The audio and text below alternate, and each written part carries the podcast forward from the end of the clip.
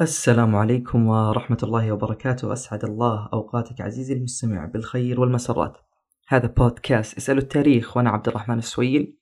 كالعادة يسعدني كثيرا ويشرفني متابعتك لهذا البودكاست وتقييمك له وإبداء آرائك ومقترحاتك. وصلنا في الحلقة السابقة أنه الجيش الإسلامي بقيادة طارق بن زياد استعد لمعركة كبيرة لمعركة عظيمة مع جيش القوط بقيادة الذريق وأيضا قلنا أن المعركة أصبحت الآن في منطقة تسمى وادي برباط وذكرنا أنه تعداد الجيش الإسلامي في ذلك الوقت كان قرابة الاثنى عشر ألف مقاتل في المقابل جيش الذريق في حدود المئة ألف مقاتل. يعني وضع جدا صعب. المعركة على وشك يعني أن تبدأ. طبعا قبل ذلك من المهم أنه نوضح نقطة.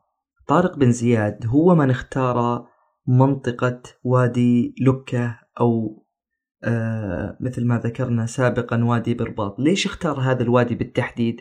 يعني ما هي الأسباب التي جعلت طارق بن زياد يختار هذا الوادي؟ باختصار شديد هي كانت يعني آه اختيار آه مبني على استراتيجية معينة. طبعا هذه نقطة جدا مهمة. يعني في الغالب آه أي قائد جيش من المهم جدا أنه يخ يعني يختار أرض المعركة. يعني مثل ما قد يكون هذه أو قد تكون هذه القصة معروفة أن النبي صلى الله عليه وسلم في غزوة بدر أشار على المسلمين أنهم يأخذون مكان معين فقام أحد الصحابة وقال للنبي يعني هل هذا هو أمر من الله سبحانه وتعالى ولا هي الحرب يعني؟ فقالوا لا هي الحرب. فقال إذا الحرب فأنا أقترح أنه يعني نتقدم ونأخذ منطقة معينة. لماذا؟ لأنه تلك المنطقة فيها بئر فبالتالي آه، وجود البئر في تلك المنطقة يعني راح يفيدنا نحن كمسلمين ويجعلنا يعني نشرب من هذا البئر في المقابل آه، كفار قريش لن يستطيعوا أن يشربوا من هذا الماء وستكون الحرب يعني فيها صعوبة نوعا ما عليهم. فالحرب هكذا تدار باستراتيجية معينة. فما هي الاستراتيجية التي بنى على أساسها آه، طارق بن زياد اختيار هذا المكان؟ السبب باختصار شديد أنه كان من خلفه وعن يمينه في جبال شاهقة. فبالتالي المنطقة يعني ستكون محمية. وفي ظهره و... وأيضا يعني آه عن عن ظهره وعن ميمنته فبالتالي ما في أي أحد يستطيع أن يلتف عن المسلمين. يعني هو الآن عن طريق يعني من يمينه ومن خلفه وعن يساره آه كلها جبال آه شاهقة. فبالتالي لا يستطيع أحد آه أنه يلتف عليه. وعفوا في ميسرته لمنطقة اليسار كان في بحيرة. فلك أن تتخيل معي هذا المشهد. الجيش عن يمينه جبال شاهقة ومن خلفه جبال شاهقة وعن يساره بحيرة. فبالتالي لو أراد أي جيش أو أي أحد أنه يلتف على المسلمين لن يستطيع. فبذلك هو أمن ميمنة الجيش وميسرة الجيش وأيضا ظهر الجيش. فكانت يعني يعني كان هذا قرار استراتيجي آه، جدا آه، مبهر ورائع من آه، طارق بن زياد حتى أنه يكون جيشه في مأمن. فبالتالي خلاص اللي بيدخل إلى هذا الوادي سيقابل المسلمين يعني مقدمة جيشهم وبهذه الطريقة لن يباغت أحد ظهر الجيش الإسلامي. طبعا لما جاء الذريق ما جاء يعني لمن يعني خلينا نقول يعني آه المظهر الطبيعي اللي المفروض يظهر فيه واحد في في وقت قتال لا. جاء وهو في أبهى حلة وكان يلبس تاج من الذهب وثياب فيها يعني آه، أيضا آه، ذهب وكان يجلس على سرير كبير برضه محلى بالذهب وكان فيه يعني آه، يعني تفاصيل جدا كبيرة وتفاصيل يعني تذهل الناظر إليه وكان هذا الكرسي يعني يجره مجموعة من الغلمان. فلك أن تتخيل يعني كيف الحلة اللي أتى فيها الإذريق طبعا يذكر أيضا أنه الإذريق لما جاء يقال أنه جاء ومعه حبال. يعني محمل كل هذه الحبال على مجموعة من البغال. ما هو السبب؟ السبب أنه كان يظن أنه بعد نهاية هذه المعركة سيربط كل هؤلاء المسلمين بهذه الحبال ويصبحون عبيد لديه. يعني لك أن تتخيل آه الظهور أو برضو الظهور يعني الظهور وكذلك آه النظرة اللي كان ينظر لها الإدريق للجيش الإسلامي. طبعا ما هي إلا ثواني معدودة وانطلقت أقوى المعارك أو بالأصح من أقوى المعارك في التاريخ الإسلامي. إحنا نتكلم عن جيش قوامه 12 ألف مقابل 100 ألف مقاتل يعني قتال كان شديد وقتال كان قوي. وطبعا هذا القتال يعني حتى تكون في الصورة عزيزي المستمع كان يوافق يوم 28 رمضان في سنة 92 هجري. فيعني كانت حرب قوية حرب شديدة. هذه الحرب آه، قيل إنها اتصلت لمدة ثمانية أيام ولم تنقطع. وما إن انتهت الحرب إلا وانتصر المسلمون في هذه الحرب بتوفيق من الله سبحانه. طبعا المتأمل في هذه الحرب سيجد أنه عدد المسلمين كان قليل جدا مقابل عدد آه، النصارى القوط في هذه الحرب وبمثل ما نقول يعني بلغة المنطق وبلغة العقل وبلغة يعني البشر العدد الكبير الأكثر هو بال بال بال مثل ما ذكرنا بالعقل والمنطق هو من سينتصر جيش قوامه 12 ألف مقابل جيش قوامه 100 ألف من سينتصر؟ طبيعي جدا سينتصر الجيش الذي قوامه مئة ألف ولكن هذا في ميزان البشر في ميزان العقل في ميزان المنطق ولكن في ميزان الله سبحانه وتعالى الأمور تختلف تماما. لذلك الله سبحانه وتعالى يقول في كتابه الكريم وكم من فئة قليلة غالبت فئة كثيرة بإذن الله فبالتالي آه، على المسلم أنه يثق أنه قدرة الله سبحانه وتعالى فوق كل شيء. لذلك إذا كنت تتعامل مع الله لا تجعل هناك لغة منطق لا تجعل هناك لغة عقل.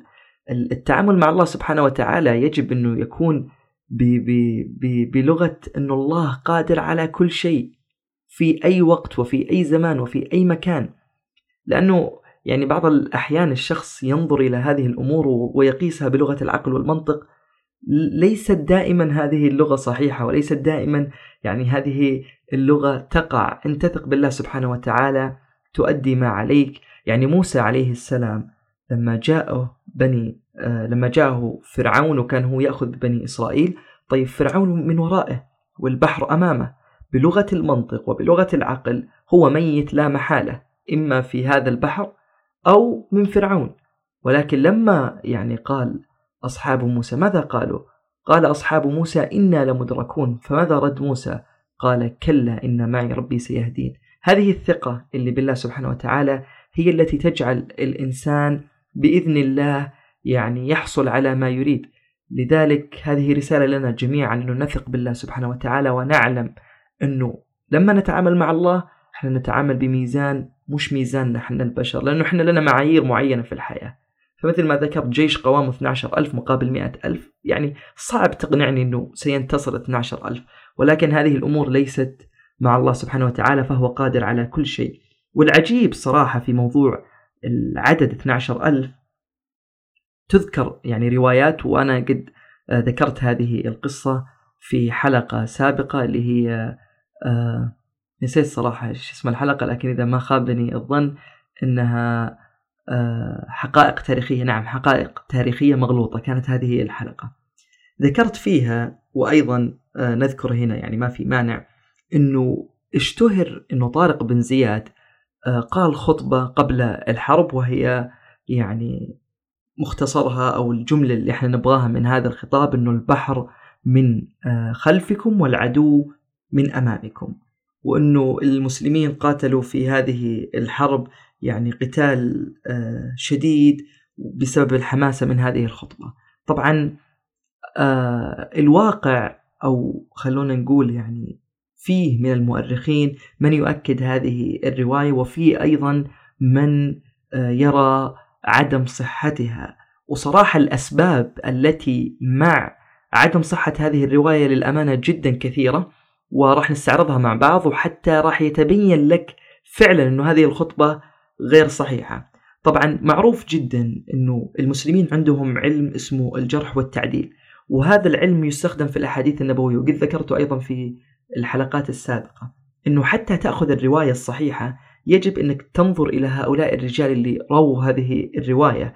فبالتالي إذا رأيت تنظر أنه والله هذا يؤخذ منه وهذا لا يؤخذ منه. عموما القصة هذه والمقولة هذه لا يوجد لها سند صحيح في التاريخ الإسلامي. يعني إن, إن كان رجل يعني أو من رجال المسلمين المعتبرين في التاريخ الإسلامي اللي رووا هذه القصة هذه القصة لا يوجد لها سند في التاريخ الإسلامي صحيح. وأغلب الروايات هذه والقصص تأتي من المصادر الأوروبية اللي كتبت عن موقعة وادي برباط. طبعا أيضا آه، من المنطق ومن العقل أنه لو طارق بن زياد أحرق السفن طبعا إحنا يعني هذه النقطة أيضا يمكن ما نبهنا عليها أو يمكن سقطت سهوا. هو قال لهم البحر من أمامكم عفوا البحر من خلفكم والعدو من أمامكم وأحرق السفن حتى لا يجعل يعني لا يجعل لهم مجال للهرب فما في إلا هذه الحرب وهذا القتال. عموما آه لو فعلا أنه طارق بن زياد أحرق هذه السفن كان طبيعي سنجد يعني سؤال من قبل موسى بن نصير اللي هو القائد الأعلى لطارق بن زياد أو على الأقل الخليفة الأموي الوليد بن عبد الملك. أقلها يستفسرون عن هذه الواقعة أو حوار بسيط لماذا حرقت السفن ما الذي حدث؟ طبعا أو على الأقل تعليق من علماء المسلمين في تلك الفترة على هذه الحادثة لكن لا يوجد أي مصدر يذكر أنه والله هذه الحادثة يعني قد حدثت أو رد من هؤلاء اللي أنا ذكرت آه ذكرتهم لك عزيزي المستمع. فما في أي مصدر من هذا القبيل. أيضا في نقطة ثالثة وهي أنه المصادر الأوروبية لما ذكرت هذه القصة كانت هذه مثل ما ذكرنا بلغة العقل والمنطق. لأنه بلغة العقل والمنطق كيف ينتصر 12 ألف على 100 ألف؟ فالمنطق والطبيعي أنه طارق بن زياد أحرق السفن فبالتالي جيشه يعني ليس لديه إلا الموت ما في إلا الموت سواء ستموت في البحر أو ستموت من الجيش اللي أمامك فبالتالي قاتلوا باستماتة حتى ينجون بحياتهم.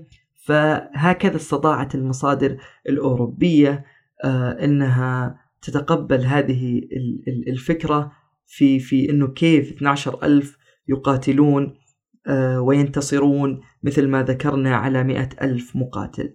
طبعا أيضا آه، عندنا سبب رابع وهو أنه طارق بن زياد يعني قائد يعني محنك وقائد كبير ويعرف أنه الحرب يعني وفر والحرب ليست دائما في صالحك. في لحظات يجب أن تنسحب بالجيش الإسلامي.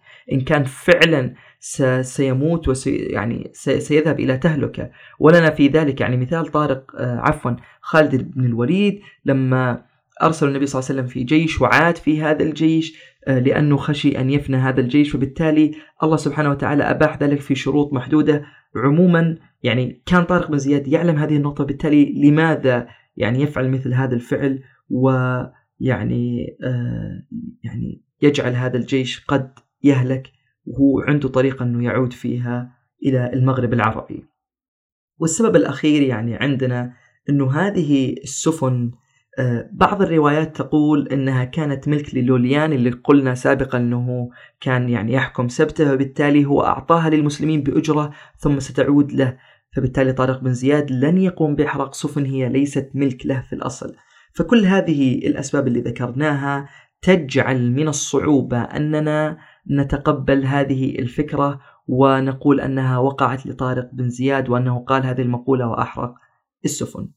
عموما آه، طارق بن زياد بعد هذه المعركة مباشرة يعني بدأت وفود من المسلمين اللي في المغرب العربي وفي الشمال الإفريقي يتقدمون ليشاركوا طارق بن زياد في فتحه.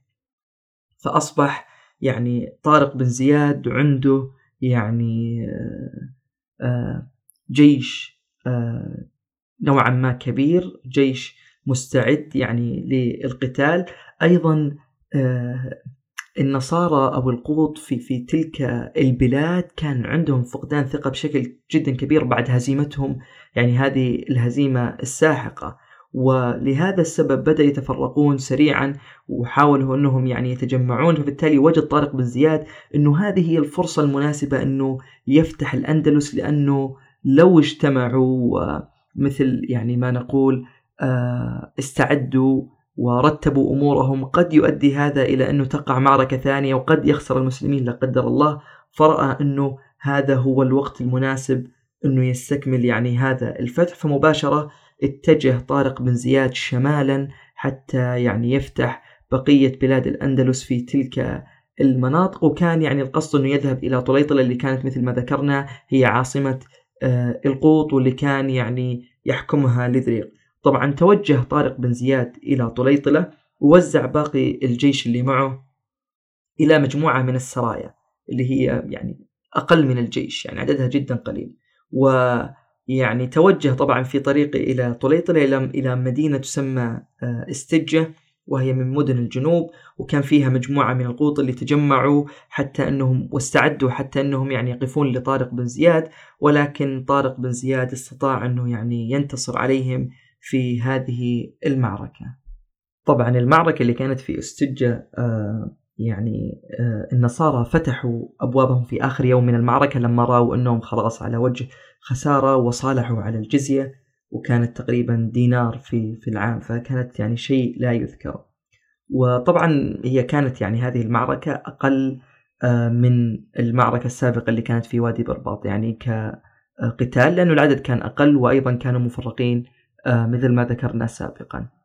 ومن استجة يعني بدأ طارق بن زياد آه، يعني بجيشه اللي ما كان يتجاوز تسعة ألاف رجل بإرسال السرايا حتى يفتح المدن الجنوبية اللي كانت في الأندلس. طبعا هو توجه بجيشه الرئيسي وأرسل هذه السرايا إلى طبعا جيشه الرئيسي مثل ما ذكرنا كان متجه إلى طليطلة اللي كانت عاصمة الأندلس في ذلك الوقت وأرسل آه، سرايا إلى قرطبة وإلى غرناطة وإلى ملقة وإلى مرسية وإلى مدن يعني الجنوب اللي كانت منتشرة. حول الساحل البحر آه، الأبيض المتوسط في ذلك الوقت. المهم أنه لك أن تتخيل أنه بعض هذه السرايا كان عددهم ما يزيد عن 700 رجل ومع ذلك انتصروا آه، وفتحوا المدن الجنوبية. يعني مدينة قرطبة فتحت ب 700 رجل فقط سرية. حتى ما أنه جيش اللي حاصرها هي سرية فتح فتحت هذا آه، أو هذه المدينة العظيمة والكبيرة والمعروفة. طبعا آه، طليطلة هي من المدن القديمة في الأندلس. وطارق بن زياد يعني وجد أنه الطريق إلى طليطلة يعني مثل ما ذكرنا يسير وسهل ومفتوح وأنه في وقت جدا يعني آه يعني مناسب للفتح. مع العلم أنه موسى بن نصير قائد طارق بن زياد واللي ذكرنا سابقا يعني حتى يعني وضحنا ما هي عقلية موسى بن نصير وكيف كان يفكر. فهو من الرجال الذي كان يرى بالأناة والصبر في الفتح وأنه لا يجعل المدن اللي خلفه ما هي مفتوحة تماما فبالتالي قد ينقلب عليه أحد ويغدر به من خلفه. بالتالي كان يرى آه، موسى بن نصير وكانت تعليماته واضحة لطارق بن زياد وأوصاه. أنه لا يتجاوز مدينة آه، قرطبة وأنه لا يسرع في الفتح ينتظر ويصبر يعني آه، حتى يعني يصل إليه. وكانت هذه وجهة نظر موسى بن نصير. يعني ما كان يرى أنه طارق بن زياد يجب أن يسرع في الفتح إلى طليطلة لأنها في يعني تقريبا في منتصف الأندلس. فمثل ما ذكرنا طارق بن زياد وجد أنه الأمر يعني يسير الآن وقد نستطيع الآن فتحها ولكن فيما بعد قد لا نستطيع أن نفتحها. فبالتالي كانت وجهة نظره مخالفة لوجهة نظر موسى بن نصير فاجتهد طارق بن زياد من نفسه وخالف أمر الأمير في ذلك الوقت موسى بن نصير وتوجه إلى مدينة طليطلة. وطبعا هي يعني مدينة طليطلة كانت يعني حصونها آه، قوية وكانت محاطة بالجبال يعني من جهة الشمال والشرق والغرب. والجهة الجنوبية هي الجهة الوحيدة فقط المفتوحة هي اللي كان فيها حصن كبير و آه، يعني حصين جدا. فمثل ما ذكرنا كانت هذه الأمور كلها مع بعضها أنه هم الآن في أضعف حالاتهم لن يستطيعوا المقاومة بالتالي هذا هو أنسب وقت أننا نفتح هذه المدينة وأنه يعني ما ننتظر أكثر من ذلك. وفعلا يعني صدق توقع طارق بن زياد في المدينة قد فتحت أبوابها ودخلها المسلمون دون آه، قتال. طبعا لم يكتفي طارق بن زياد أنه يفتح فقط هذه المدن بل توجه شمالا آه، وفتح مجموعة من المدن آه، الصغيرة والبسيطة. ومع ذلك هذا التقدم السريع جعل موسى بن نصير يغضب وأرسل برسالة يعني شديدة اللهجة فيها عتاب قوي على طارق بن زياد أنه يجب أن يكف عن الفتح وينتظره حتى يصل مثل ما ذكرنا. طبعا آه وكان في ذلك الوقت موسى بن نصير آه يعد أنه كيف أنه يستطيع أنه يدعم جيش المسلمين. فقد قام بتجهيز ثمانية عشر ألف مقاتل. هؤلاء المقاتلين لم يكونوا من البربر بل كانوا من العرب اللي سمعوا بهذا الفتح وجاءوا يريدون مشاركة المسلمين هذا الفتح العظيم. طبعا آه، وقتها موسى بن نصير يعني بعض الكتب تذكر إنه يعني ما فعل ذلك إلا هو حسدا لطارق بن زياد وإنه كان يريد إنه الفتح ينسب له وهذا الكلام طبعا غير صحيح. ومثل ما ذكرنا يعني موسى بن نصير هو قائد عظيم آه يعني وما كان يعني يعني تهمه مثل هذه الأمور يعني. حتى إنه بعض المصادر تذكر إنه يعني قال يعني موسى بن نصير لطارق بن زياد إنه يعني لن يعني بعد هذا كله لن يعني يكافئك آه، الوليد بن عبد الملك إلا أن يوليك على الأندلس فهنيئا مريئا. فكلمة هنيئا مريئا يعني زي ما نقول إحنا بالعافية عليك يعني. فما كان مثل ما ذكرنا ينظر لهذه الأمور بنظرة الحسد اللي كان البعض قد أشاع عليه أو قد تكون موجودة في بعض المصادر. عموما آه لما قدم موسى بن نصير ودخل أرض الأندلس آه، كان هو في الجنوب فبالتالي ماذا كان يفعل؟ توجه إلى المدن التي لم يفتحها طارق بن زياد وحاول فتحها حتى يؤمن الجنوب وبعد ذلك يعني يلاقي آه، طارق بن زياد في مدينة آه، طليطلة ويعني يواصلون الفتح حتى يصلوا إلى الشمال طبعا توجه إلى إشبيلية وفي طريقه كان مجموعة من المدن افتتحها جميعا وحاصر إشبيلية وطال هذا الحصار لمدة عدة شهور وأخيرا فتحت هذه المدينة أبوابها.